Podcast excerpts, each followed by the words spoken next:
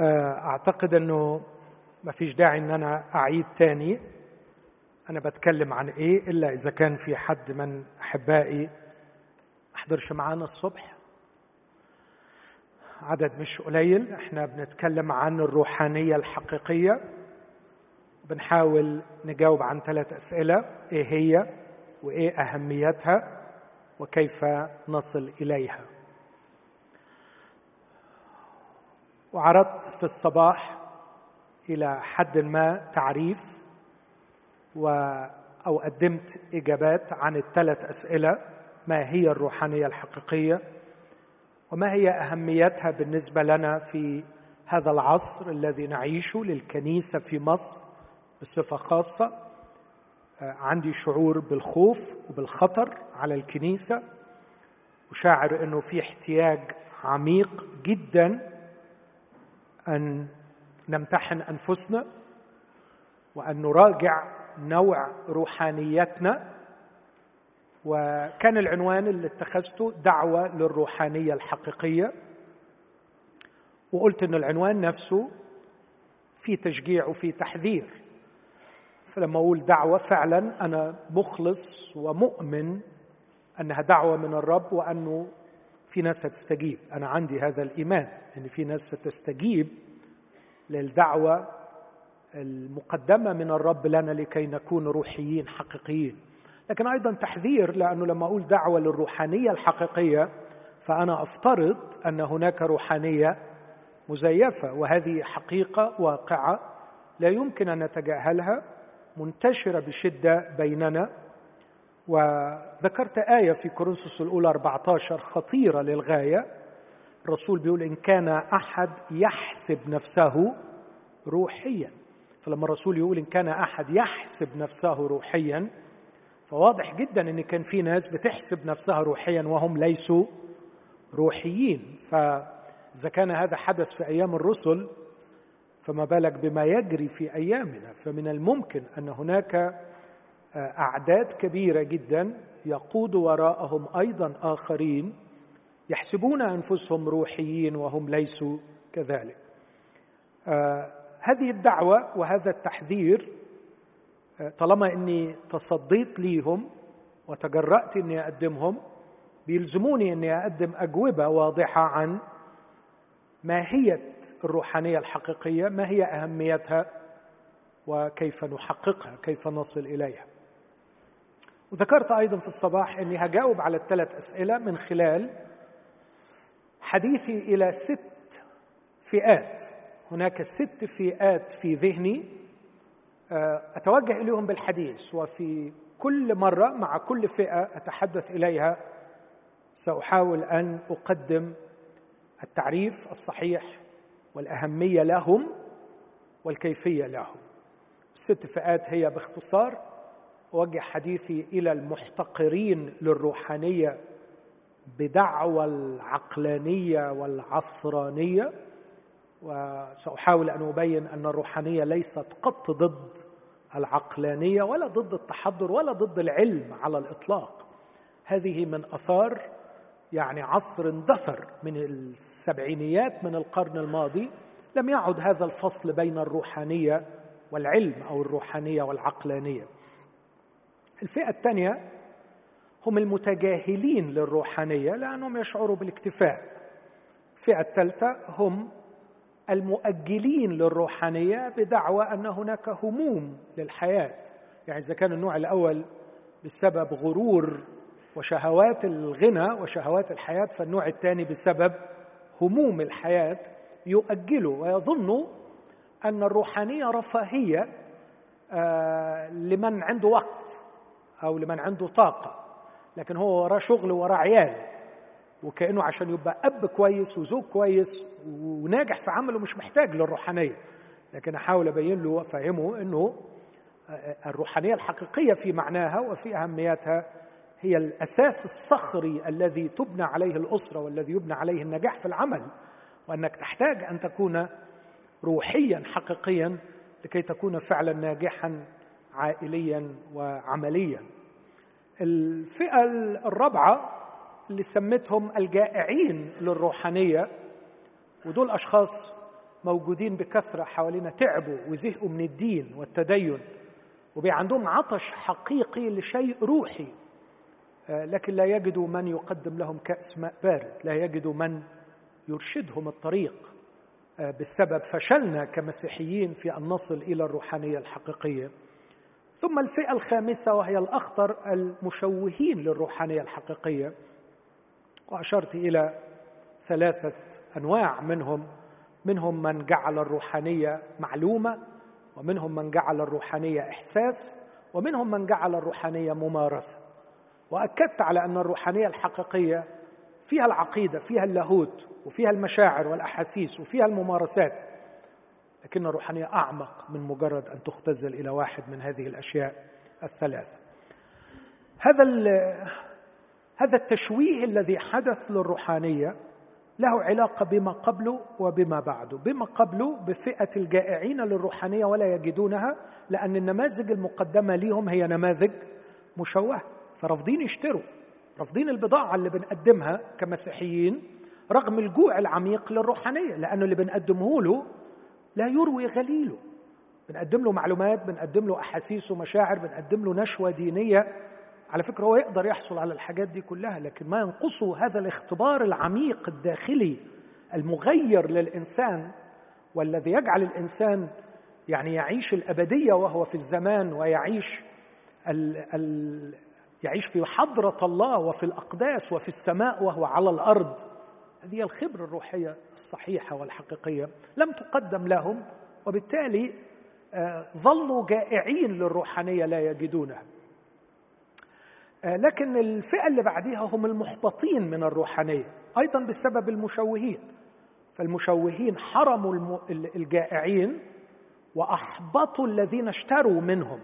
لأنه بعد شوية الشباب اللي اشترى بصفة خاصة اكتشف أنه لم يتقدم لم يتغير لم يتحرر لم يتطور فأحبط.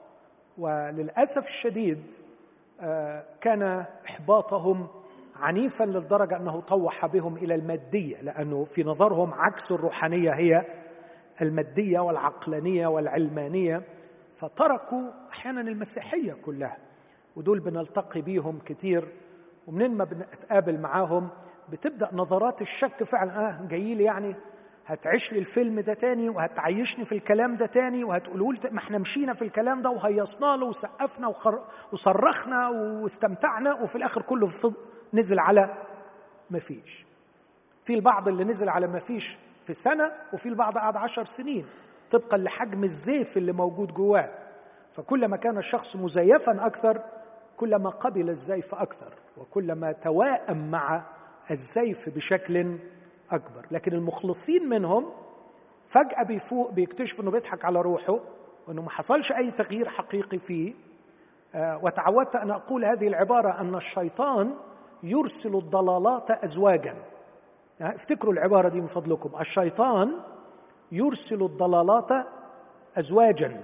يعني إيه يبعتها ازواجا؟ يعني يبعت الشيء وعكسه لأنه فاهم كويس قوي إنه لما يبعت لك ضلالة أول ما تكتشفها للأسف الشديد مش بترفضها لكن بتتطرف وتروح للضلالة الثانية فهو بيأمن نفسه من البداية يبعتهم لك باكج 2 ان 1 يبعت لك الضلالة بتاعه الروحانية الزائفة وهو عارف إنك مخلص فهتكتشف زيفها في يوم من الأيام.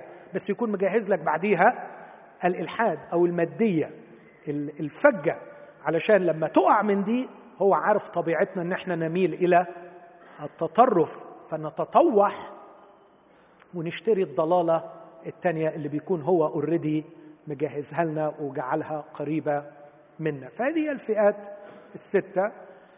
اجتماع الصباح اجتهدت أن أقدم تعريفات إجرائية مبدئية.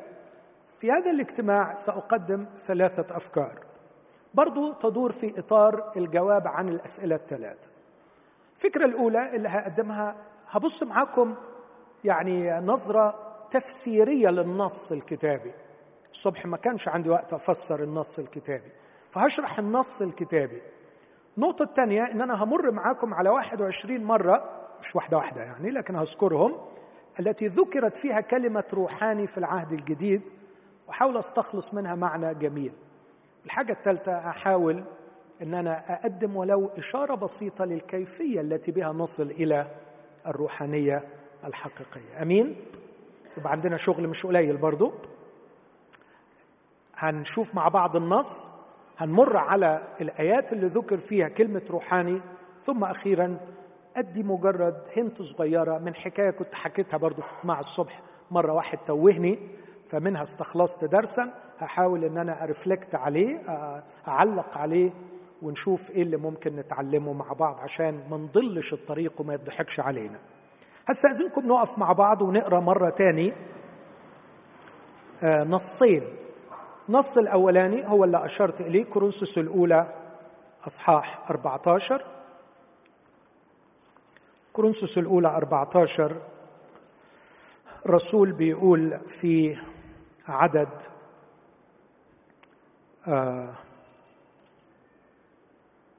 37 أو عدد 36 بيوبخ المؤمنين في كورنثوس.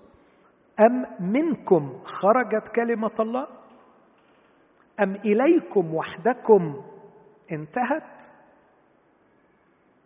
إن كان أحد يحسب نفسه نبيا أو روحيا فليعلم ما أكتبه إليكم أنه وصايا الرب. ولكن إن يجهل أحد فليجهل. البعض يحسب نفسه روحيا وهو ليس كذلك. لكن نرجع مع بعض لأصحاح اثنين وأصحاح ثلاثة من نفس الرسالة. اثنين أربعة عشر ولكن الإنسان الطبيعي لا يقبل ما لروح الله لأنه عنده جهالة ولا يقدر أن يعرفه لأنه إنما يحكم فيه روحيا. وأما الروحي فيحكم في كل شيء وهو لا يحكم فيه من أحد لأنه من عرف فكر الرب فيعلمه أي يعلم الرب. وأما نحن فلنا فكر المسيح. وأنا أيها الإخوة الاصح الثالث لم أستطع أن أكلمكم كروحيين بل كجسديين كأطفال في المسيح. سقيتكم لبنا لا طعاما. أنكم لم تكونوا بعد تستطيعون بل الآن أيضا لا تستطيعون لأنكم بعد جسديون فإنه إذ فيكم حسد وخصام وانشقاق ألستم جسديين وتسلكون بحسب البشر؟ لأنه متى قال واحد أنا لبولس وآخر أنا لأبولس أفلستم جسديين؟ هقرا كمان من نفس الأصحاح. عدد 13 ولكن إن كان أحد يبني على هذا الأساس اللي هو المسيح ذهبا فضة حجارة كريمة خشبا عشبا قشا فعمل فعمل كل واحد فعمل كل واحد سيصير ظاهرا لأن اليوم سيبينه لأنه بنار يستعلن وستمتحن النار عمل كل واحد ما هو. إن بقي عمل أحد قد بناه عليه فسيأخذ أجره. إن احترق عمل أحد فسيخسر. وأما هو فسيخلص ولكن كما بنار. أما تعلمون أنكم هيكل الله وروح الله يسكن فيكم؟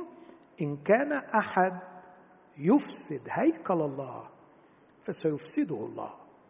لأن هيكل الله مقدس الذي أنتم هو. لا يخدعن أحد نفسه. لا يخدعن أحد نفسه. إن كان أحد يظن أنه حكيم بينكم في هذا الدار فليصر جاهلا لكي يصير حكيما. آمين. هذه هي كلمة الرب. تفضل.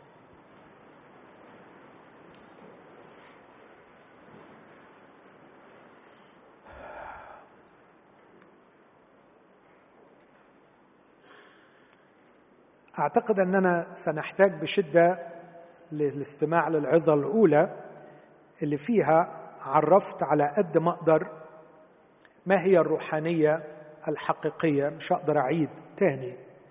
لكن خلوني أبدأ باقتباس من كتاب جميل اسمه الروحانية الحقيقية للاهوتي والمفكر المسيحي العظيم فرانسيس شيفر. لي كتاب كامل اسمه الروحانية الحقيقية؟ أقتبس منه عبارة يقول إن ميدان الروحانية الحقيقية هو القداسه هو التقديس. فالروحانية الحقة ليست هي قضية الامتناع عن سلوكيات معينة بطريقة ميكانيكية. ولا هي مجرد رفض لقائمة أشياء يرفضها الإنسان ثم يشعر بالحسرة لأنه حرم منها.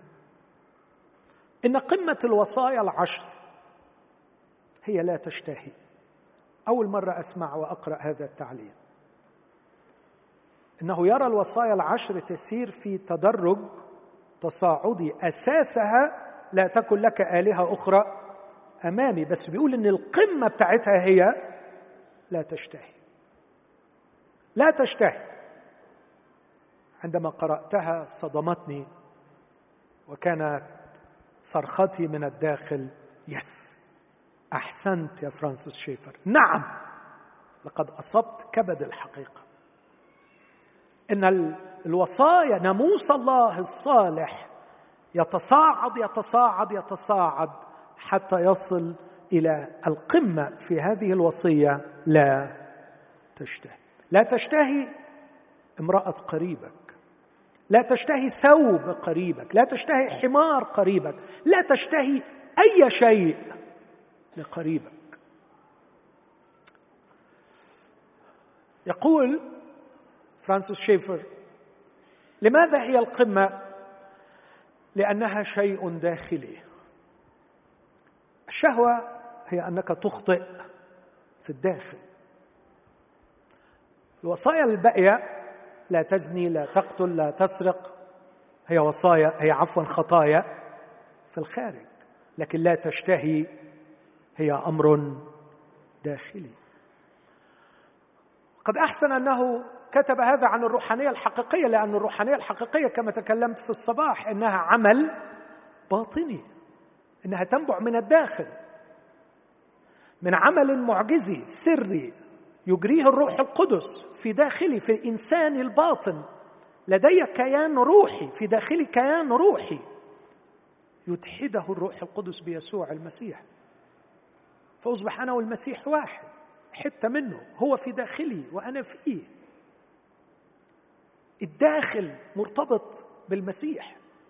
بهذا الاتحاد يعبر الإنسان السور بين الزمن والخلود يضع قدمه في الأبدية ويعبر أيضا السور بين الأرض والسماء فيصبح يعيش في الاثنين معا يعيش الأبدية ويعيش السماء وهو لم يزل في الزمن ولم يزل على الأرض.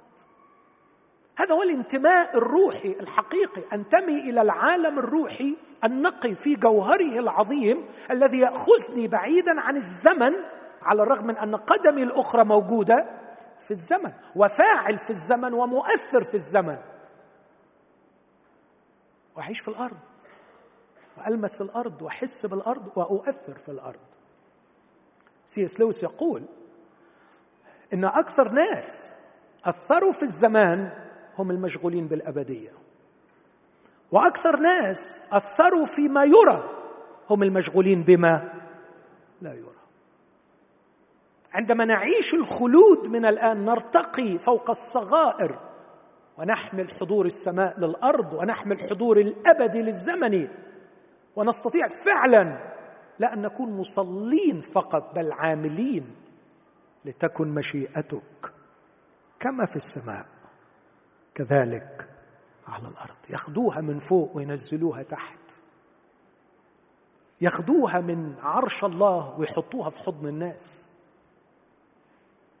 يتلامسوا مع السماوي والابدي ويتلامسوا مع المادي والزمني فهم حلقة الوصل. هي دي الكائنات الروحية الحقيقية. هذا ما كان يفعله الملائكة. لكن اليوم هي دي رسالة المسيحيين. كيف استطاع الله أن يصل إلى اليصابات وإلى زكريا عن طريق جبرائيل؟ ما معنى اسم جبرائيل؟ قدرة الله. إنه يعلن قدرة الله في مشهد الضعف والانكسار. فالعاقر تلد والعذراء تحمل. هذا ما يعلنه جبرائيل. يستحضر قوة العالم الروحي إلى مشهد ضعف وانكسار العالم الزمني المادي حيث العقم وحيث البؤس الذي يحتاج إلى مخلص. الآن ليس عمل الملائكة لكنه عمل أولاد الله. أن يعلنوا ليس فقط قدرة الله بل يعلنوا حياة الله. انهم امتداد لشخص المسيح. يستكمل شيفرز فيقول إننا قبل أن نكسر أي وصية أخرى نكسر هذه الوصية. هقولها تاني. إن قمة الوصايا العشر هي لا تشتهي إنها شيء داخلي. في الواقع نحن نكسر هذه الوصية قبل أن نكسر أي وصية أخرى. عشان تزني لازم تشتهي الأول. عشان تسرق لازم تشتهي الأول. عشان تقتل لازم تشتهي الأول. فالروحاني يتعامل أول ما يتعامل مع الشهوة. هذه الوصية بالذات هي التي أعطت بولس حالة الوعي بحالته في روميا سبعه الوصية اللي أشار إليها في روميا سبعه وقال إن هي دي اللي كشفتني على حقيقتي هي لا تشتهي. كشفت فساد كياني الداخلي. قبلما جاءت الوصية كنت أنا عائشا قبلا لكن لما جاءت الوصية تقول لا تشتهي أنشأت في كل شهوة فعاشت الخطية فمت أنا اكتشفت أني لست روحاني كياني فاسد في الداخل. ثم يستكمل ويقول لا حل ميكانيكي للروحانية الحقيقية. الحل الوحيد هو الشركة الشخصية اللحظية لحظة بلحظة مع الله. من أين أتينا بهذه الكلمة كلمة روحاني؟ النص اللي قريناه في كورنثوس الأولى اثنين وثلاثة أعتقد معظمنا حافظ الآية اللي في أصح ثلاثة واحد لم أستطع أن أكلمكم كروحيين بل كجسديين.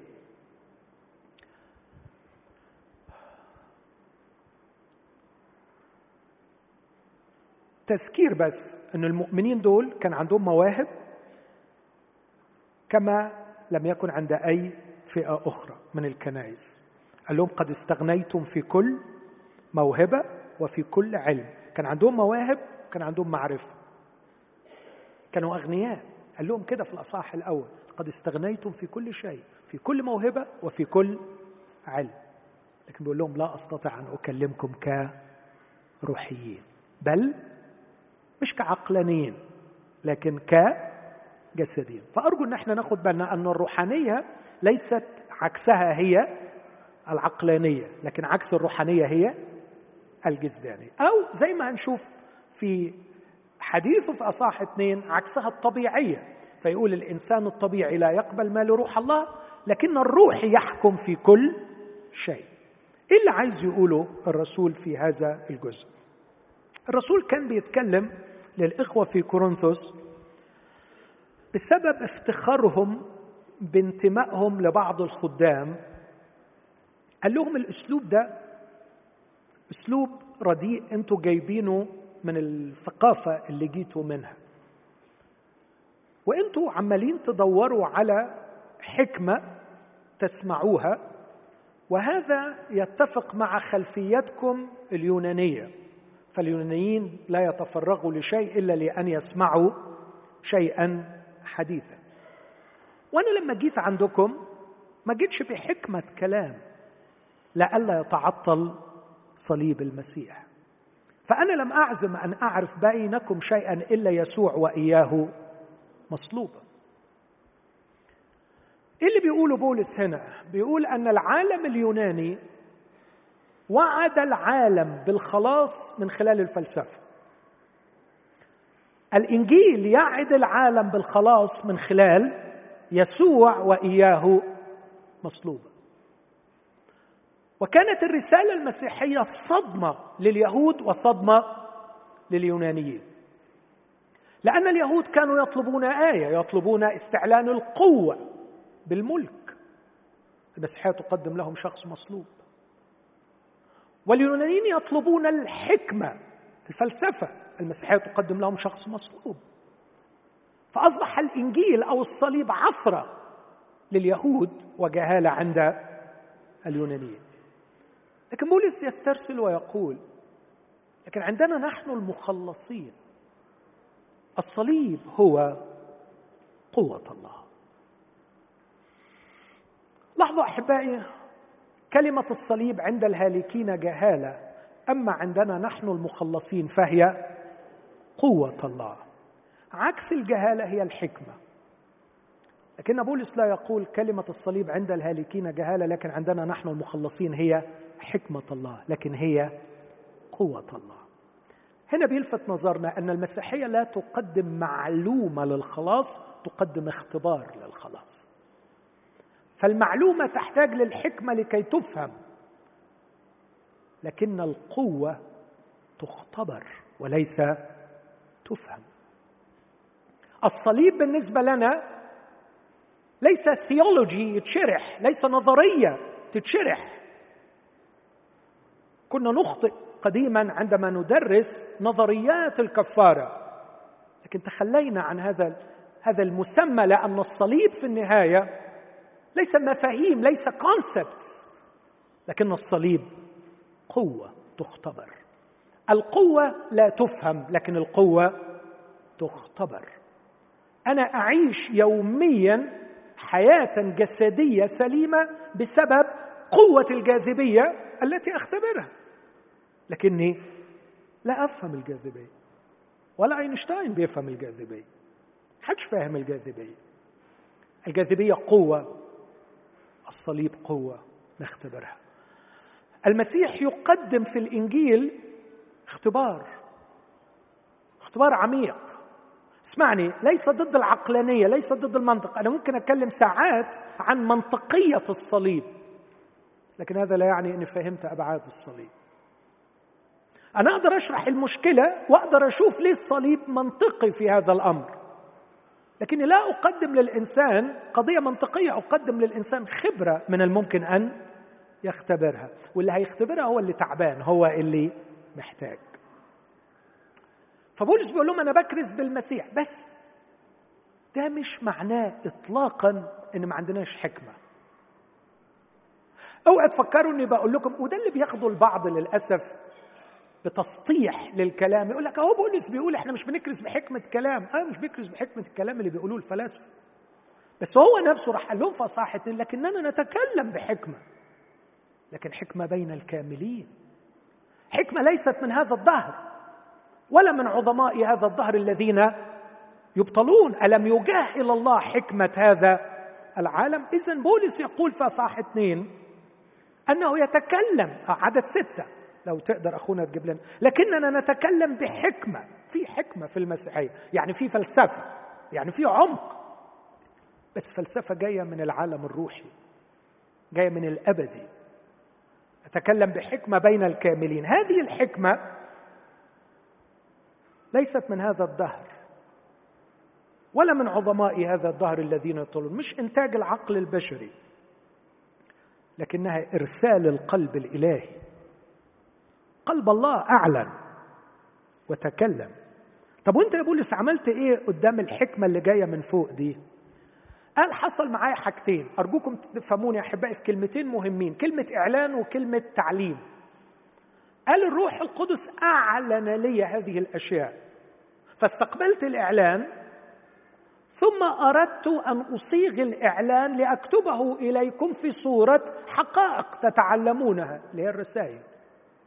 هنا لم أكتب بأقوال تعلمها حكمة إنسانية بل بما يعلمه الروح القدس. قارنين الروحيات بالروحيات. لقد استقبلت افكارا روحية بإعلان من الروح القدس وصغتها بألفاظ روحية علمها الروح القدس. لاحظوا في الحالتين ما فيش إملاء. عشان ما حدش يتصور أن الكتاب المقدس إملاء لكن إعلان وتعليم للكتبه فتكلم أناس الله القديسون مسوقين من الروح القدس. بس خدوا بالكم معايا الأفكار التي أعلنها الروح سماها بولس روحيات والألفاظ التي علمها الروح سماها بولس روحيات. ليه بيسمي الأفكار دي روحيات؟ والألفاظ روحيات لأنها آتية من العالم الآخر من العالم الروحي. صار إنه بعد كده هيقول علينا إحنا روحيين. يعني أرجوك فكر في الأمر ده. الأفكار الإلهية روحية. الألفاظ التي علمها الروح القدس روحية. الثالثه الروحية الحاجة الثالثه اللي وصفها بأنها روحية هي إحنا. فلنا ثقل وتأثير وقيمة الاعلان الروحي واللفظ الروحي. هرجع للنقطة دي بعد شوية لكن حابب إنكم تقروا معايا هنشوف الآيات دي. بصوا بيقول إيه في عدد سبعة. نتكلم بحكمة الله في سر. سر يعني غموض حاجات كانت غامضة وبنكشفها. الحكمة المكتومة التي سبق الله فعينها قبل الدهور لمجدنا التي لم يعلمها أحد من عظماء هذا الدهر. لأن لو عرفوا لما صلبوا رب المجد. بل كما هو مكتوب ما لم ترى عين الآية دي خطأ بتطبق على السماء ملهاش دعوة بالسماء بولس بيطبقها على الإعلانات الروحية. ما لم ترى عين ما لم تسمع أذن ما لم يخطر على بال إنسان. ما تراه العين أقل مما تسمعه الأذان وما تراه العين وما تسمعه الأذان أقل مما يخطر على بال الإنسان يتدرج في التصاعد. لكن حتى لو وصلنا إلى أعلى شيء هو ما يقدر الإنسان لا أن يراه أو يسمعه بل يتخيله الروح القدس أعلن أشياء لم يتخيلها الإنسان. ما أعده الله للذين يحبونه بعدين يقول فأعلنه الله. أعلنه الله لنا نحن بروحه. لأن الروح يفحص كل شيء حتى أعماق الله. أشعر برغبة أن أخلع علي لأن الأرض مقدسة. وأنا أتصور هذا الفهم إن روح الله يغوص في أعماق الله. ليأتي إلي أنا الإنسان المحدود في الزمان. يأتي إلي بشيء من أعماق الله. فكيف تستقبلي يا نفسي؟ كيف تستقبلي شيئا يأتيك من أعماق الله؟ اخشعي يا نفسي واتضعي. واجلسي أمام الكتاب باتضاع كتلميذ مسكين. روح الله يأتي بشيء من أعماق الأزل لكائن محدود. اعلنه الله لنا بروحه لأن الروح يفحص كل شيء حتى أعماق الله أعماق الله. لأن من من الناس يعرف أمور الإنسان إلا روح الإنسان الذي فيه؟ هكذا أيضا أمور الله لا يعرفها أحد إلا روح الله. ونحن لم نأخذ الروح العالم عشان نفهم حكمة العالم بل الروح الذي من الله. لنعرف الأشياء الموهوبة لنا من الله. لغاية كده إحنا بنتكلم في مرحلة الإيه؟ الإعلان. بولس استقبل إعلانات عن الحكمة الإلهية. نكمل مع بعض. التي نتكلم بها أيضا. الأمور اللي أعلنت لنا نتكلم بها أيضا. لا بأقوال تعلمها حكمة إنسانية. إننا لم نستعر من الناس حكمتهم ولا حتى نستعير منهم أقوالهم. لكن نتكلم بها لا بما تعلمه حكمة بل بما يعلمه الروح القدس. إحنا من شوية قابلنا الروح القدس بيعمل إيه؟ بيعلن بيعلن أفكار. دلوقتي بنقابل الروح القدس بيعمل إيه؟ بيعلم بيعلم أقوال بما يعلمه الروح القدس. بص العبارة الجميلة. قارنين الروحيات بالروحيات. وهنا نصلح خطأ تاني. قارنين الروحيات بالروحيات مش مقارنين. كتاب ببعضه. مالناش دعوة بالمقارنة. قارنين يعني مجوزين. قارنين الروحيات الأفكار الإلهية التي استقبلناها بالإعلان بالأقوال الإلهية التي استقبلناها بالتعليم.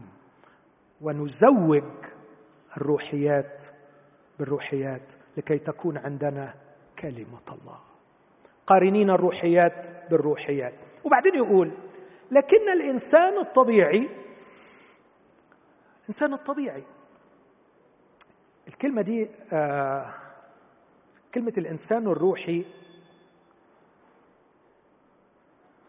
نيوماتيكوس كلمة الطبيعي بسيكوكوس أو بسيكايكوس ودي منها psychiatry أو psychiatry أو psychology يعني يمكن وجت عشر مرات بعد كده واترجمت نفساني.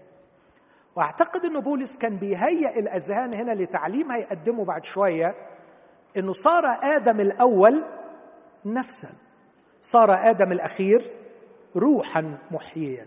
فالإنسان الطبيعي أي الإنسان المنحدر من آدم ولا سيما بعد السقوط. لكن الإنسان المنحدر من المسيح هو الإنسان الروحي. فكما الترابي هكذا ترابيون كما الحيواني هكذا الترابيون أو الحيوانيون كما السماوي هكذا السماوي. كلمة حيواني بالمناسبة في كورنثوس الأولى 15 هي نفساني برضه نفس الكلمة. بيقول أنا جبت الروحيات بإعلان صغتها بتعليم ارتبطوا الاثنان معا قدمتهم للعالم. لكن الإنسان الطبيعي لا يقبل ما لروح لا يقبل الروحيات. الروحيات محتاجة كائن روحي لكن ده كائن نفسي نفساني من آدم. عشان كده الكائن النفساني الطبيعي الإنسان الطبيعي اعتبر المادة المقدمة لي اعتبرها إيه؟ جهالة. يقول لأنه ما لروح الله عنده جهالة. مش الراجل عنده جهالة لكن المادة نفسها تعتبر جهالة بالنسبة له. ليه جهالة؟ بيقول لأنه هذا المحتوى عنده جهالة عدد 14 ولا يقدر أن يعرفه. لاحظ مش بيقول لا يريد لكن بيقول لا يقدر. ليه لا يقدر أن يعرفه؟ لأنه إنما يحكم فيه روحيا. يعني يحتاج أن يكون الشخص كائنا روحيا علشان يقدر يحكم في المحتوى ده. أما الروحي بقى لما وصلت له الرسالة دي بولس بيقول أما الروحي فيحكم في كل شيء. الجميل هنا أن الطبيعي لا يستطيع أن يحكم فيما هو روحي لكن الروحي يحكم فيما هو روحي ويحكم فيما هو طبيعي. لأنه لما صرت روحي لم أكف عن أن أكون نفسي أو نفساني أو لم أكف عن أن أكون طبيعي. وأقدر بالسياق الترجمة نفسها أقول إذا سمى الإنسان ده الإنسان الطبيعي يبقى الإنسان الروحي فوق طبيعي. يعني إيه فوق طبيعي؟ حدث فيه شيء فوق طبيعي. إلا أنه عندما صار فوق طبيعي لم يكف عن أن يكون طبيعي. لكن صار الطبيعي محكوم تماما بما هو فوق طبيعي. وهذا هو جمال الروحاني هذا هو جمال المسيحي أنه فوق طبيعي في عالم طبيعي. إنه روحاني في عالم الجسد والنفس. ويعيش الروحانية. ليس في عزلة. ليس في عزلة. لست أحتاج أن أكون في عزلة لكي أعيش روحانيتي. لكن الروحانية مقصود لها أن تعاش في قلب العالم الطبيعي. والروحانية التي لا تقوى على النجاح والازدهار في العالم الطبيعي فهي ليست فوق طبيعية هي أضعف من الطبيعي. إني مدعو من الله لأؤثر في العالم الطبيعي بما هو فوق طبيعي. أؤثر في العالم المادي والنفسي بما هو روحي. ولست في احتياج أن أنسحب خوفا من هذا العالم الطبيعي لأنه في هذه الحالة يصبح الطبيعي أقوى مما هو فوق طبيعي. ثم إن التحدي الأكبر للروح هو الروحي. فمصارعتنا مع أجناد روحية. وأنا لا أعتقد أنه بالانسحاب سوف تفارقنا. لو انسحبنا من العالم المادي الطبيعي سوف لا تلاحقنا الأرواح الشريره فميدان المعركة الحقيقي هو مع أجناد الشر في السماوات ودي موجودة ليك سواء كنت عايش في وسط الشغل بتاعك أو رحت تنعزل. يستكمل الرسول ويقول أما الروح فيحكم في كل شيء. وأنا بتأثر فيها يحكم في كل شيء لأني أعتقد ان الحكم هنا هو حكم عقلاني اميز الأشياء. وعشان كده بقول وبأكد لكل أحبائي ولا سيما الشباب الروحانية ليست ضد العقلانية بل بالعكس الروحانية تعميق للعقلانية. الروحانية تجعلك عقلاني أكثر من الطبيعي. افهم معايا دي من فضلك. ما هي العقلانية؟ لو دخلت على أي قاموس محترم وسألت ما هي العقلانية تعرف إن في نوعين من العقلانية على الأقل. النوع الأول هو أن يكون هناك تطابق بين أهدافك التي تريد أن تحققها والوسائل التي تستعملها لكي تحقق هذه الأهداف. وهناك تطابق بين ما تقول أنك تؤمن به وبين أسبابك التي جعلتك تؤمن بما تؤمن به أنا لا أرى إيمانا آخر يمجد العقلانية ويعمقها كالإيمان المسيحي. مع تحفظ يمجدها ويضعها في حدودها. وبالمناسبة أي شيء تخرجه عن حدوده تفقد قيمته. فالإيمان المسيحي يمجد العقلانية لأنه يضعها في إطارها وفي حدودها. اوسجينوس المفكر المسيحي الكبير يقول لا إيمان يعلو فوق المسيحية في إكرام العقلانية ولا إيمان وضع العقلانية في إطارها كالإيمان المسيحي. في مثل إنجليزي حلو. يقول اسمحوا لي أقوله بالإنجليزية وأترجمه. More without limits is less. And little with limits is more. عندما يكون لديك الكثير لكن لا حدود سوف يضيع. لكن عندما يكون لك القليل وتضع له حدود سوف يزيد. إن كارثة العالم كما أشرت في الصباح أنه تجاهل الروحانية تجاهل الاحتياج الروحي وركز على العقلانية واعتبرها مفتاح كل الأسرار. العقلانية جميلة لكن لا تحل كل الأسرار. هناك أشياء تحتاج إلى الإعلان الإلهي. لكن نقطتي اللي أنا خل... اتفرعت منها هنا إن أنا عايز أقول أن الروحانية الحقيقية تزيدك. تزيدك إيه؟ أسمع. عقلانية. لن تكون مغيبا الروحانيه الحقيقية مش هتخليك درويش. مش هتخليك بتاع أي كلام. مش هتخليك مغيب. بالعكس الروحي يحكم في كل شيء يميز. يميز ما هو طبيعي. يفهم فيه ما هو طبيعي. تماما كما يميز ما هو فوق طبيعي. ما بيبقاش كده واحد يعني ما أعرفش يسموه إيه بقى يعني. عارف واحد كده هيمان وضايع وبيهبل و... وسايح والغريب جدا نقول عليه شخص إيه؟ ها؟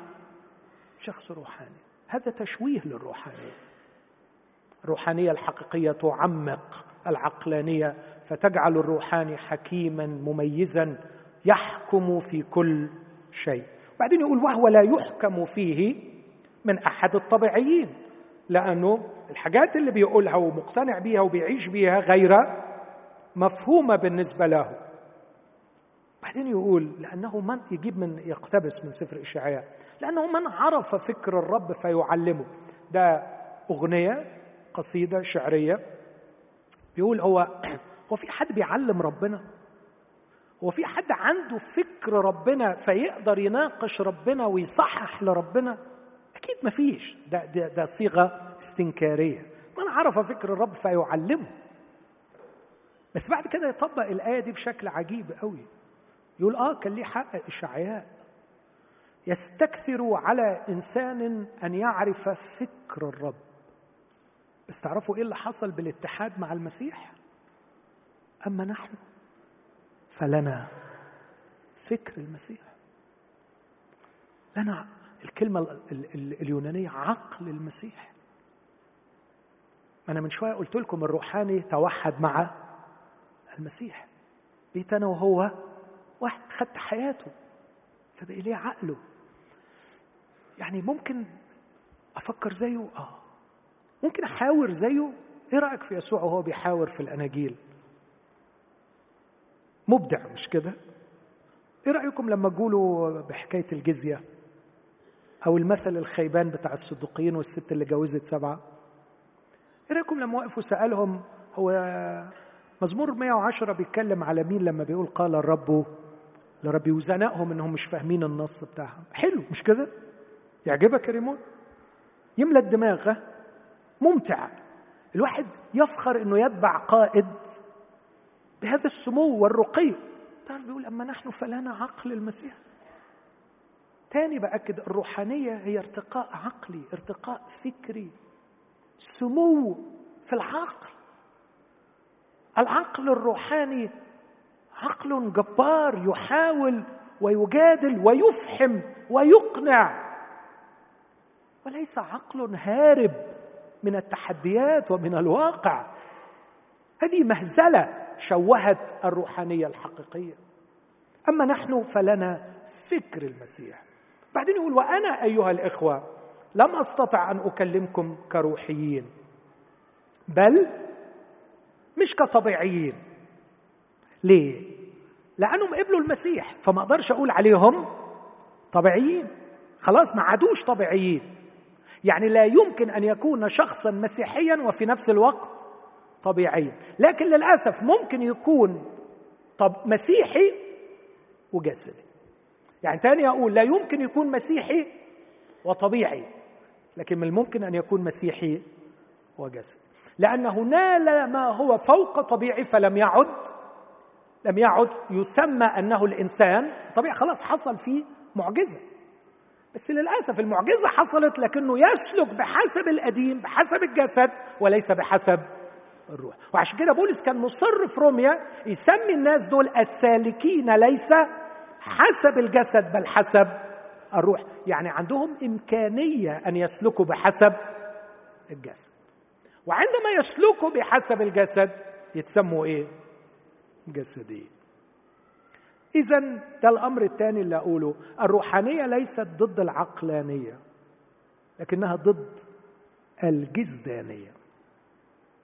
ضد الجسدانية. هنا هيجي السؤال وما هي الجسدانية؟ مش كده؟ وما هي الجسدانية؟ يكمل ويقول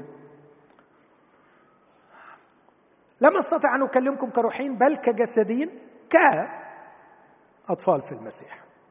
إيه أول حاجة نستنتجها عن الجسديين أسمع منكم عشان تعبت شوية. أطفال كلمة أطفال كلمة لطيفة قوي قولوها قولوها قولوها زي ما تحبوا تتقال عيال بالظبط. عارفين إيه هي الجسدانية؟ المعيلة.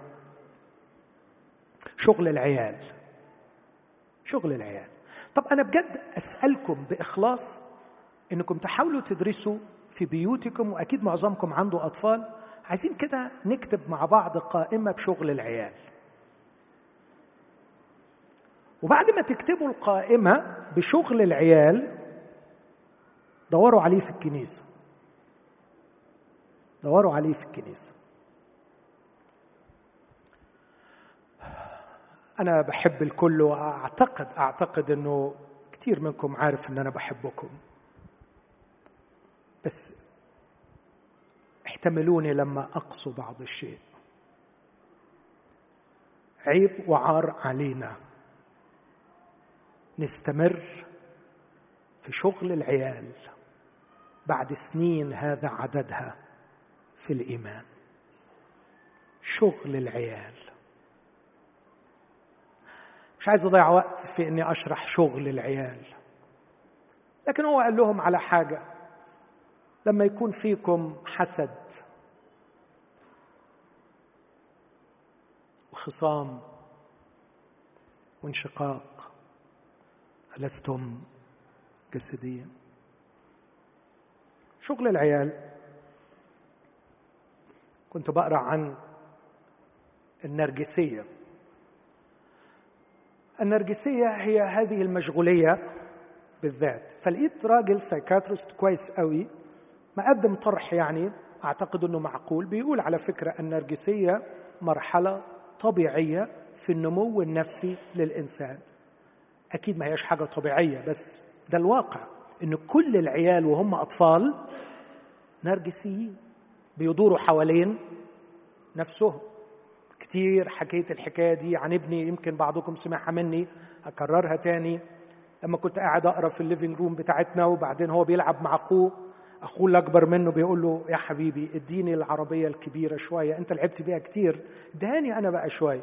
قال له no قال له يا حبيبي الرب يسوع قال في ال Bible we have to share ادهاني شوية. قال له no الرب يسوع قال في ال Bible أنت تاخد الوحشة وأنا أخد الحلوة.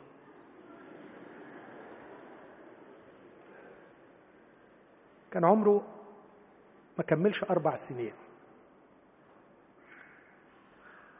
قمت كتبت مقالة سميتها أصل الحكاية.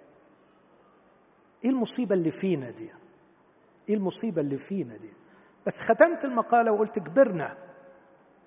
وبقينا بنعرف نستخبى وراء ألفاظ مختلفة وأشكال مختلفة. لكن لسه شعارنا في الحياة اللي ما بنعرفش نخبيه انت تاخد الوحشة وأنا آخد الحلوة. ما بنقولهاش بنفس غباء الولد بيقولها كده بالمفتشر بس بنلف وندور علشان أنا آخد الحلوة وأخويا ياخد الوحشة. هذه هي الجزدانية. الجزدانية إنك تلعب تلعب بأمور الله. شغل العيال إنك تلعب بأمور الله. شغل العيال إنك تلعب في كنيسة الله. شغل عيال شغل عيال.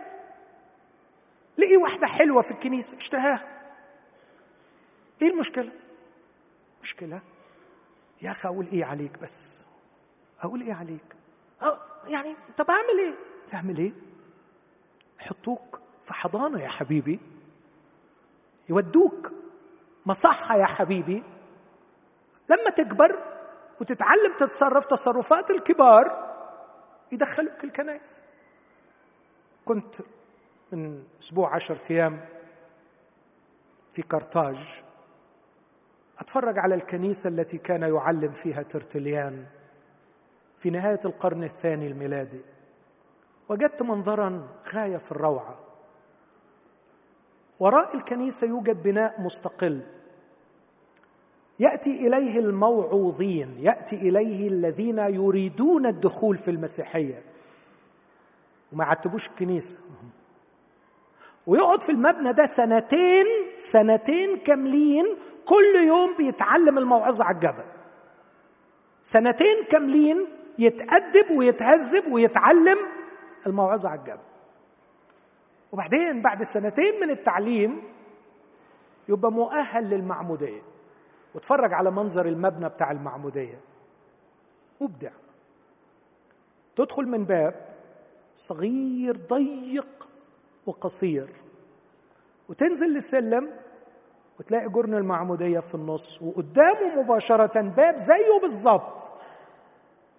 تدخل من الباب ده وتتعمد وتطلع من الباب الثاني المواجه لباب الكنيسة تروح داخل على الكنيسة سنتين يتأدب يبطل شغل العيال وبعدين يتعمد. والمعمودية بالنسبة له إنه بيموت عن حياة عاشها. وبيطلع من باب تاني وسكة تاني وسلم تاني وبيدخل في عالم تاني. أم تجهلون أننا كل من اعتمد ليسوع المسيح اعتمدنا لموته؟ حتى كما أقيم فدفنا معه بالمعمودية للموت حتى كما أقيم المسيح من الأموات بمجد الآب نسلك في جدة الحياة حياة جديدة. رجائي أي حد دخل الكنايس كده ومستمتع وبيلعب يراجع نفسه. لأنه إحنا قرينا بعد شوية كلام بولس إنه الكنيسة دي حظك وحش هي هيكل الله. تتصور بقى؟ تتصور المصيبة اللي أنت مش واخد بالك منها؟ طلعت مش كنيسة الاسيس فلان دي طلعت كنيسة كنيسة ربنا. وبعدين في خبر مش حلو ابدا. من يفسد هيكل الله. كلمة سيفسده يعني سيدمره. God will destroy him. تخيل بقى لما ربنا يقرر يدمر. أحيانا اسمع الشكوى دي كتير في العيادة تقول لي دمرني يا دكتور دمرني. جوزي ده دمرني. تخيل بقى لما ربنا هو اللي يدمر حد. الكتاب بيقول كده. بقول لك إيه ما تقول وعظ كويس. آه هو ده الوعظ اللي حلتي من يفسد هيكل الله سيفسده الله. دي أوديها فين الآية دي؟ طبعا أخبيها يعني؟ أشطبها؟ يرضيكم أضحك عليكم و... و... وما أقولها لكمش؟ لا هقولها بأعلى صوت. اللي هيلعب في كنيسة ربنا ربنا هيدمره. ربنا هيدمره. تقول لي وفين الرحمة؟ آه في رحمة للي بيتوب. في رحمة للي بيخاف. لا تستكبر بل خف. بيقول كده في روميا على فكرة مش في العهد القديم.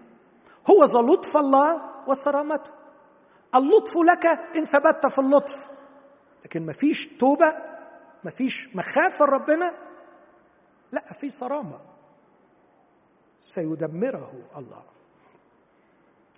الروحانية الحقيقية هي ضد الطفولة الروحية. الروحانية الحقيقية هي مجموعة أخلاقيات المسيح ظاهرة في المسيح. تبرهن أنه انتقل من الموت إلى الحياة. الروحانية الحقيقية هي أخلاق هي ثمر الروح القدس. لأن المسيح هو نبع الحياة والروح القدس هو قوة الحياة فاسمه روح الحياة في المسيح يسوع. والمفروض إن أنت سالك بحسب الروح فتطلع منك وفيك واللي يشوفوك واللي يعاشروك يلاقوا أخلاق المسيح. أخلاق المسيح. لاحظ لا أحد منا كامل وفي أشياء كثيرة نعثر جميعنا لكن أنا لا أتكلم عن كمال مستمر لكن أتكلم عن موقف كامل مستمر ضد الخطايا أنا ما بقدرش أعيش كل اللي بتمناه لكن موقفي تجاه الغلط هيفضل ثابت إن اللي أنا بعمله ده غلط ولازم أتوب عنه. وإلا هدفع التكلفة. إذا ما كانش حد علمك كده أرجوك تقبل مني التعليم ده حرصا على نفسك وعلى عيلتك وعلى مستقبلك وعلى صحتك. هقول تاني حرصا على نفسك وعلى عيلتك وعلى مستقبلك وعلى عيلتك. ما تلعبش بالنار. لأن إلهنا نار آكل. هذا هو الروحاني الحقيقي. الروحانية ليست مواهب. الروحانية ليست علم. الروحانية الحقيقية أخلاق المسيح. 21 مرة ذكرت كلمة روحاني في العهد الجديد. وصف بها ناموس الله في روميا سبعة. بولس يقول الناموس روحي أما أنا فجسدي مبيع تحت الخطية وصفت بها أفكار الإعلان الإلهي والألفاظ. قارنين الروحيات بالروحيات. وصفت بها رموز للمسيح في العهد القديم. أشياء كانت مادية لكن لها مدلول روحي. فيقول الصخرة شربوا من صخرة روحية. يعني إيه صخرة روحية؟ صخرة حرفية مادية لكن كان لها مدلول روحي فجزء من الكتاب. فالكتاب يتكلم بكلامه وبرموزه. الكتاب يتكلم عندما يتكلم وعندما يرسم. فعندما رسم خيمة الاجتماع كان يعلن شيئا وعندما كتب نبوات كان يعلن شيئا. فأيضا تدور في إطار الكتاب. لكن بعد هذا يبدأ كل الكلام اللي جاي يتكلم عن المسيحي. فالروحاني هو المسيحي الحقيقي. في غلطية ستة اصلحوا أنتم الروحانيين. كورنثوس الأولى 2 15 الروح يحكم في كل شيء. توصف بها بركات المسيحي كل بركة روحية. توصف بها المعونات التي تقدم للمسيح لثباته. روميا واحد 11 توصف بها إظهارات الروح القدس في الكنيسة. لما يقول أما من جهة المواهب الروحية الكلمة هي كلمة واحدة في اليونانية نيوماتيكوس أي من جهة الأمور الروحية الإظهارات الروحية الخارجية. توصف بها أغاني المسيحي أغاني روحية أفسس 5 19 وكولوس 3 16 توصف بها حرب المسيحي فصراعه مع أجناد الشر الروحية. يوصف بها نوعية فهم المسيحي. كل حكمة وفهم روحي. توصف بها نوعية ذبائح المسيح فالذبائح التي يقدمها ذبائح روحية. بطرس الأولى اثنين خمسة. وأخيرا يوصف بها الجسم الذي سيأخذه المسيح في القيامة. يزرع جسما حيوانيا ويقام جسما روحانيا. الخلاصة أحبائي من هذه الدراسة السريعة أن الأشياء التي وصفت باللفظ روحي نيوماتيكوس في العهد الجديد هم حاجتين المسيحي بكل ما يدور حوله مواهبه بركاته غذاؤه آه، جهاده صراعه جسمه المستقبلي. المسيحي هو الكائن الروحي والكتاب المقدس. دول الحاجتين اللي الكتاب قال عنهم إنهم روحيين. وهنا توجد فعلا وجهة نظر جميلة. ليه؟ لأنه الاثنين جايين من خارج هذا العالم. الاثنين جايين من فوق. فالحكمة التي يكرس بها بولس ويكتبها ليست من هذا الدهر لكن أعلنها الروح. فالكتاب المقدس أتى بإعلان من فوق والمسيحي كائن مولود من فوق. كائن ينتمي لعالم آخر. تماما كما هذه الأفكار آتية من عالم آخر. من هو الروحاني؟ أتضرع إليكم أيها الإخوة. أن تعمقوا في داخلكم هذا الشعور انتماءكم لعالم آخر. أما سيرتنا نحن فهي في السماويات. لماذا يسمى المسيحي روحاني؟ لأنه ينتمي لعالم آخر يختلف عن هذا العالم. مع أرجوكم تحطوا خط تحت اللي هقوله علشان ما نبوظش الفكرة دي.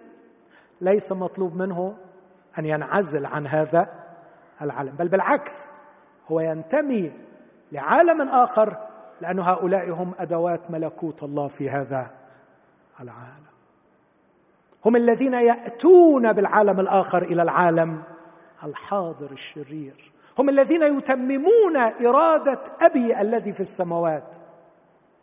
لكن في وجه شبه تاني بين الكتاب وبين المسيحي. عشان كده الاثنين يسموا روحاني. الكتاب يكشف طبيعة الله طبيعة الانتماء الآخر طبيعة العالم الآخر. ريفيلاتوري بيكشف بيعلن. كتاب كده والمسيحي كذا كمان. فهذا الكتاب هو رسالة الله. وإحنا كمان رسالة المسيح مقروءة ومعروفة من جميع الناس. الكلمة المكتوبة كشفت فكر الله. جاء الكلمة المتجسد. صار جسدا. حل بيننا ليكشف حياة الله. صعد المسيح إلى السماء وترك الكنيسة. تكشف من هو الله. من هو الروحاني؟ الروحاني هو الذي إذا احتك الناس به يحتكون بالله. إذا أرادوا أن يروا الله ويعرفوه يعرفوه من خلال هذا الشخص. الكتاب المقدس مع كل احترامي لتأثيره الكرازي قليلون جدا اللي, اللي عرفهم اللي ما كانش يعرف أي حاجة وقرأ الكتاب المقدس وخلص. لكن كثيرون جدا أعرفهم اللي اطلعوا على حياة شخص مسيحي فعرفوا المسيح. فرسالة الله تقرأ من الكتاب المقدس لكن تقرأ بقدر أكبر في حياة المسيح. عندما يرى الرسالة معاشة عندما يرى كيف غيرت الرسالة عيني هذا الرجل فينظر للمراه بطريقة مختلفة. وغيرت يد هذا الرجل وغيرت عقل هذا الرجل وغيرت مبادئ هذا الرجل وغيرت أخلاق هذا الرجل. الرسالة المسيحية مقروءة في حياة هذا الشخص. فيعرف الناس الله من خلال الروحيين. اسمحوا لي أقرأ لكم آية بحبها في رسالة يوحنا الرسول الأولى الأصحاح. الثالث يوحنا الأولى.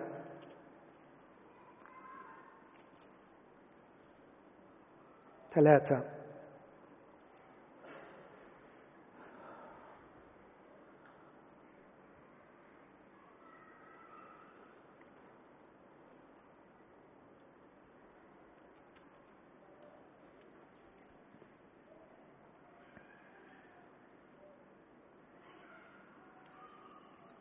خلوني أقرأ اولا من أصحاح اثنين.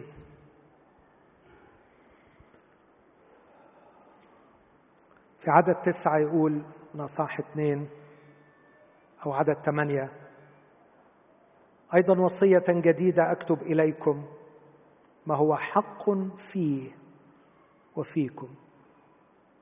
أن الظلم قد مضت والنور الحقيقي الآن يضيء. لاحظوا الكلمات يا أحبائي وأرجو ناخذها بجدية. ما ما أعلن من حق في يسوع يعلن الآن من خلال المؤمنين. ما هو حق فيه وفيكم لدرجة أنه يقول إن الظلمة قد مضت أو في اليوناني تمضي. والنور الحقيقي مين النور الحقيقي في يوحنا؟ ويسوع مش كده؟ يوحنا واحد النور. بس هو هنا بيتكلم عن مؤمنين النور الحقيقي الآن يضيء من خلالنا.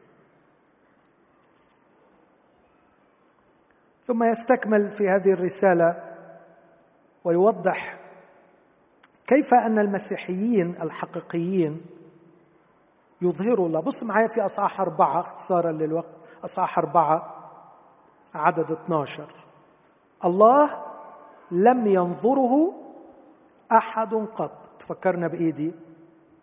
يوحنا واحد 18 الله لم يره أحد قط. فاكرين إيه اللي بعد هناك في يوحنا 18 واحد 18 الابن الوحيد الذي في حضن الأب هو خبر هنا بيقول الله لم ينظره أحد قط. إن أحب بعضنا بعضا فالله يثبت فينا. يثبت فينا يعني يحل فينا يسكن فينا. هناك الله لم ينظره أحد قط لكن المسيح استحضر الله. هنا الله لم ينظره أحد قط لكن مين بيستحضره؟ نحن عندما نحب بعضنا بعضا. أكتفي بهذا عن من هو الروحاني الحقيقي. وقت جري وأنا أخذت أكثر من خمس دقائق من ريمون. لكن خلوني أفكركم بالحكاية بتاعت صاحبي اللي ضيعني. خدني وساق بيا. مسافة طويلة جدا وكل شوية أسأله لو إحنا الطريق الصح يقول لا ما تقلقش ما تقلقش وكان واثق من نفسه جدا. بس لما لقيت إن إحنا السكة عمالة يعني الوقت بيروح وما وصلناش وقفته بالعافية قلت له ادخل البنزينة اسأل إحنا فين؟ فسأل لقينا فعلا إحنا على ال highway المطلوب نفس الرقم بس في الاتجاه المعاكس. ورجعت في حالة من الغضب. لأنه ضيع لي أربع ساعات مهمة في يومي. وأنا ساعتها تأثرت برسالة من الله إن أنا زعلان على أربع ساعات. لكن في ناس بتمشي في اتجاه غلط. أربع سنين وأربعين سنة. وممكن يموتوا وهم في الاتجاه الغلط. فسألت نفسي سؤال هو إيه اللي الواحد يقدر يعمله علشان ما يمشيش في سكة غلط؟ محتاج أربع أشياء أقولهم لك فكر فيهم ونتكلم فيهم بعدين. الحاجة الأولانية إنك محتاج غرض محدد ثابت. أنا إيه اللي خلاني أدركت إن في حاجة غلط؟ إن أنا ما بوصلش. ما بوصلش لإيه؟ للحتة اللي أنا عايزها. لو أنا طالع ومش عارف أنا رايح فين أعتقد ممكن يسوق بيا أربعين يوم وأنا مش فارقة معايا. فلازم تحدد الغرض. هو إيه غرض الروحانية الحقيقية؟ في كلمة صغيرة يتصور المسيح فيا. ثلاث كلمات سهلة قوي يتصور المسيح فيا. إذا كان ليك أربع سنين في الإيمان عشر سنين في الإيمان وانت امين مع نفسك ومش لاقي ان المسيح بيتصور فيك يبقى في حاجة غلط. أرجوك ادخل أقرب بنزينة وقف الراجل واسأل. اسأل. الحاجة الثانية علشان ما يحصلش اللي حصل لي خليك في صحبة في صحبة جيدة. ما تمشيش مع حد ضايع. تقول لي لا لا ما أنا لازم أروح للضايعين علشان أنا ربنا يديك الصحة إن شاء الله وتقدر ترجعهم. لكن طول ما أنت لسه ما عندكش الصحة اللي تقدر ترجعهم أرجوك خليك مع حد صحته كويسة علشان ما يضيعكش. الرسالتين اللي بولس اتكلم فيهم عن الروحانية هي غلاطيا وكورنثوس. وفي الرسالتين قال المعاشرات الردية تفسد الأخلاق الجيدة خميرة صغيرة تخمر العجين. خلي بالك خلي بالك من نوع الناس اللي انت مرتبط بيهم. خلي بالك لأن دي فعلا واحدة من أساسيات التلمذة والنمو الروحي. لماذا كانت الكنيسة تنمو بقوة؟ لأنهم كانوا معا بنفس واحدة مع بعض كل يوم في الهيكل الصحبه الجيده الحاجة الثالثه الخريطة. كل شوية كنت أقول لصاحبنا ما نبص في الخريطة ما نبص في الخريطة حافظ حافظ. وما هي الخريطة؟ الكتاب المقدس. كنت بقرأ من يومين في إنجيل لوقا صح واحد ولقيت لوقا أول مرة أخد بالي من جمال النور ده. بيقول لثوفيلوس يا ثوفيلوس أنا هكتب لك كل القصة من أول وجديد.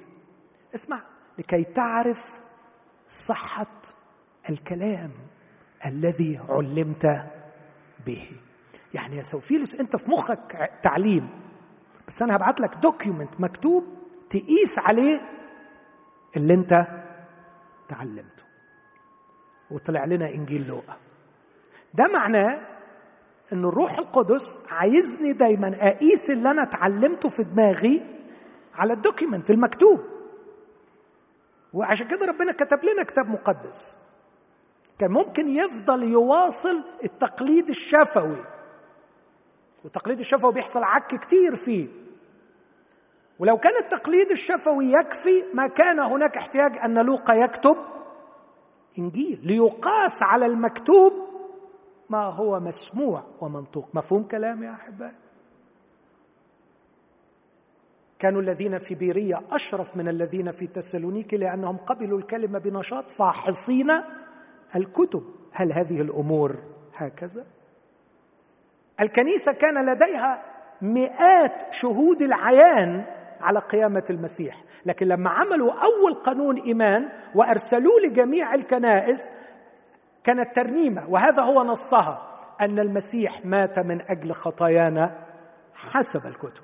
وأنه دفن وأنه قام في اليوم الثالث حسب مش قام في اليوم الثالث حسب ما رأينا. مع أنه لو قالوا كده حلوة. أنت عندك 500 شاهد على الأقل. لكن يقولوا المسيح قام حسب. حسب الكتب. للأسف البعض يريد أن يقلل من قيمة الكلمة المكتوبة ويجعلها تحكم بما هو غير مكتوب بما هو موروث أو منطوق.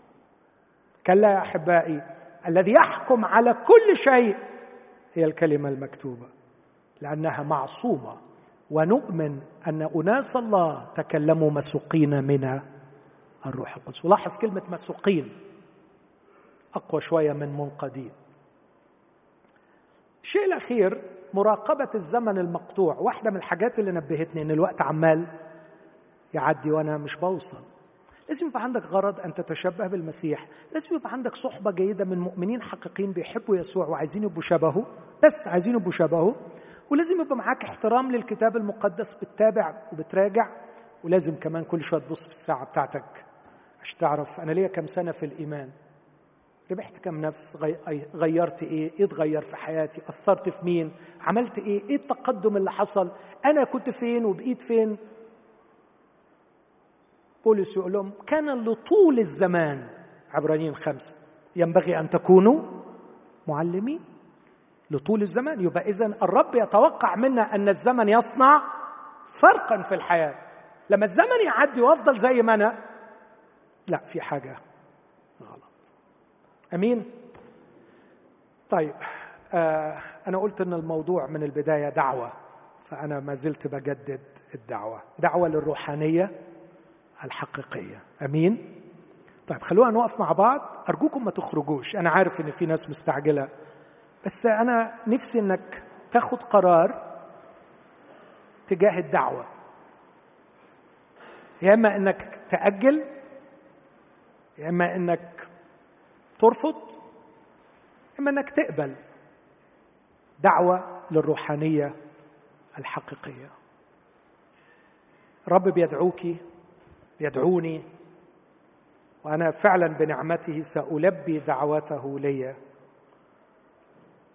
أقول له يا رب استند على نعمتك. استند على نعمتك لكي تحفظني دائما.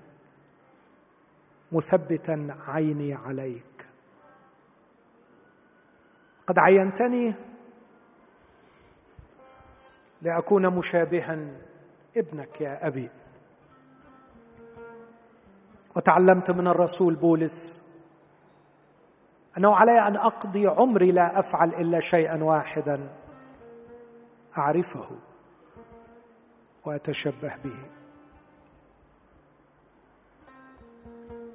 وتعلمت أنه هو الدرس وهو المدرس وهو المدرسة. سمعت يسوع وسمعت عن يسوع وعلمت في يسوع. ثبت عيني عليك وأجعل غرضي الوحيد أن أشابهك.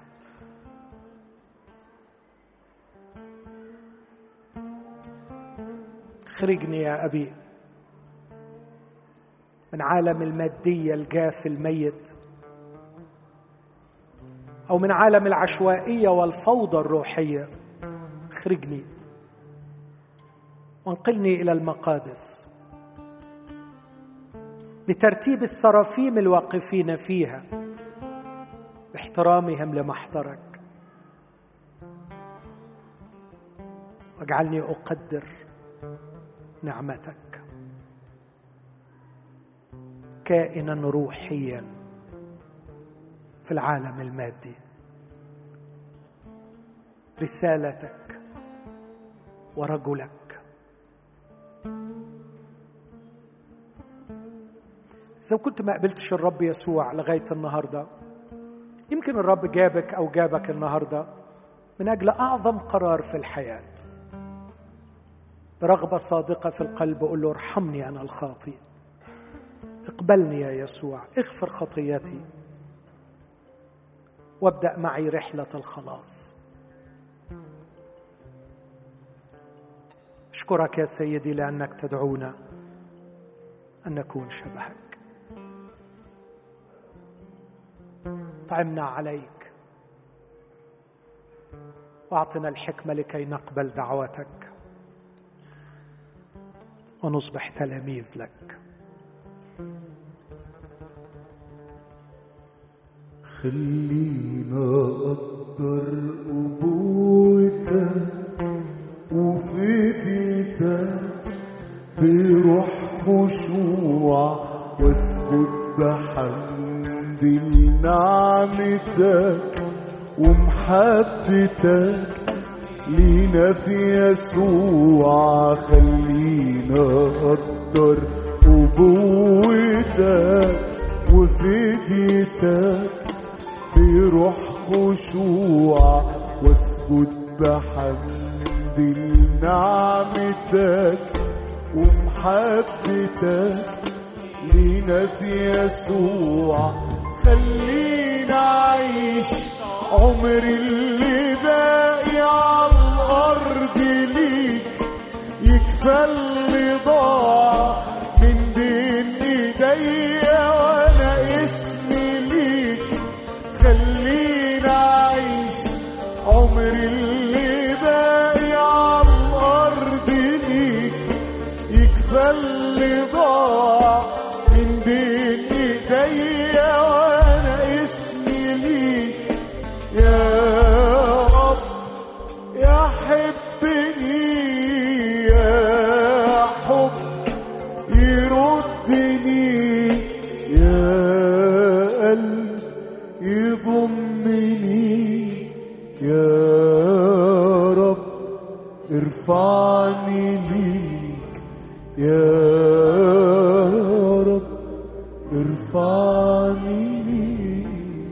أنا أؤمن أن الرب يسوع قريب من كل واحد فينا.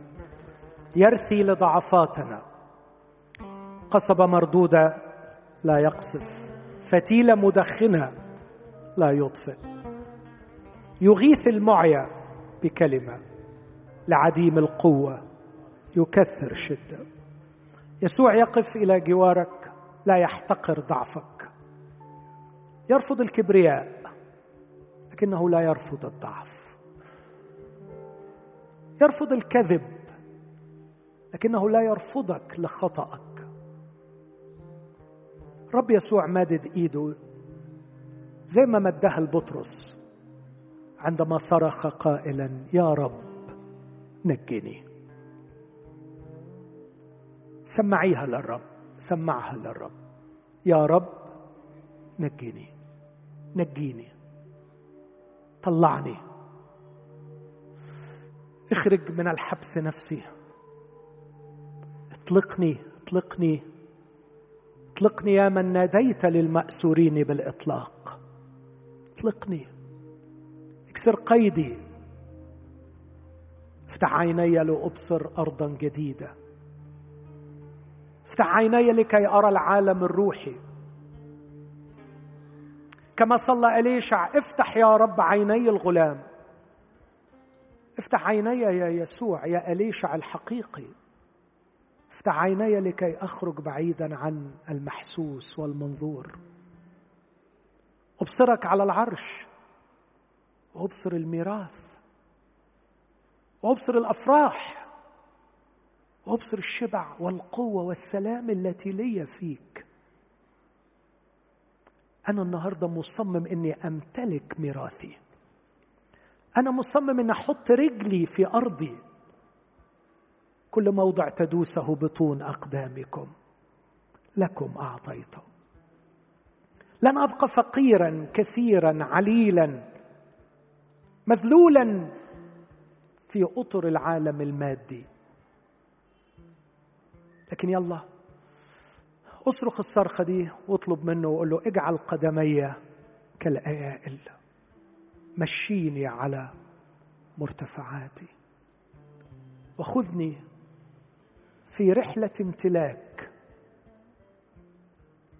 أنت وعدت كل شيء لكم الحياة لكم الموت لكم لأن المسيح لكم. ضع يدي على ميراثي يا رب. واجعلني أمتلك.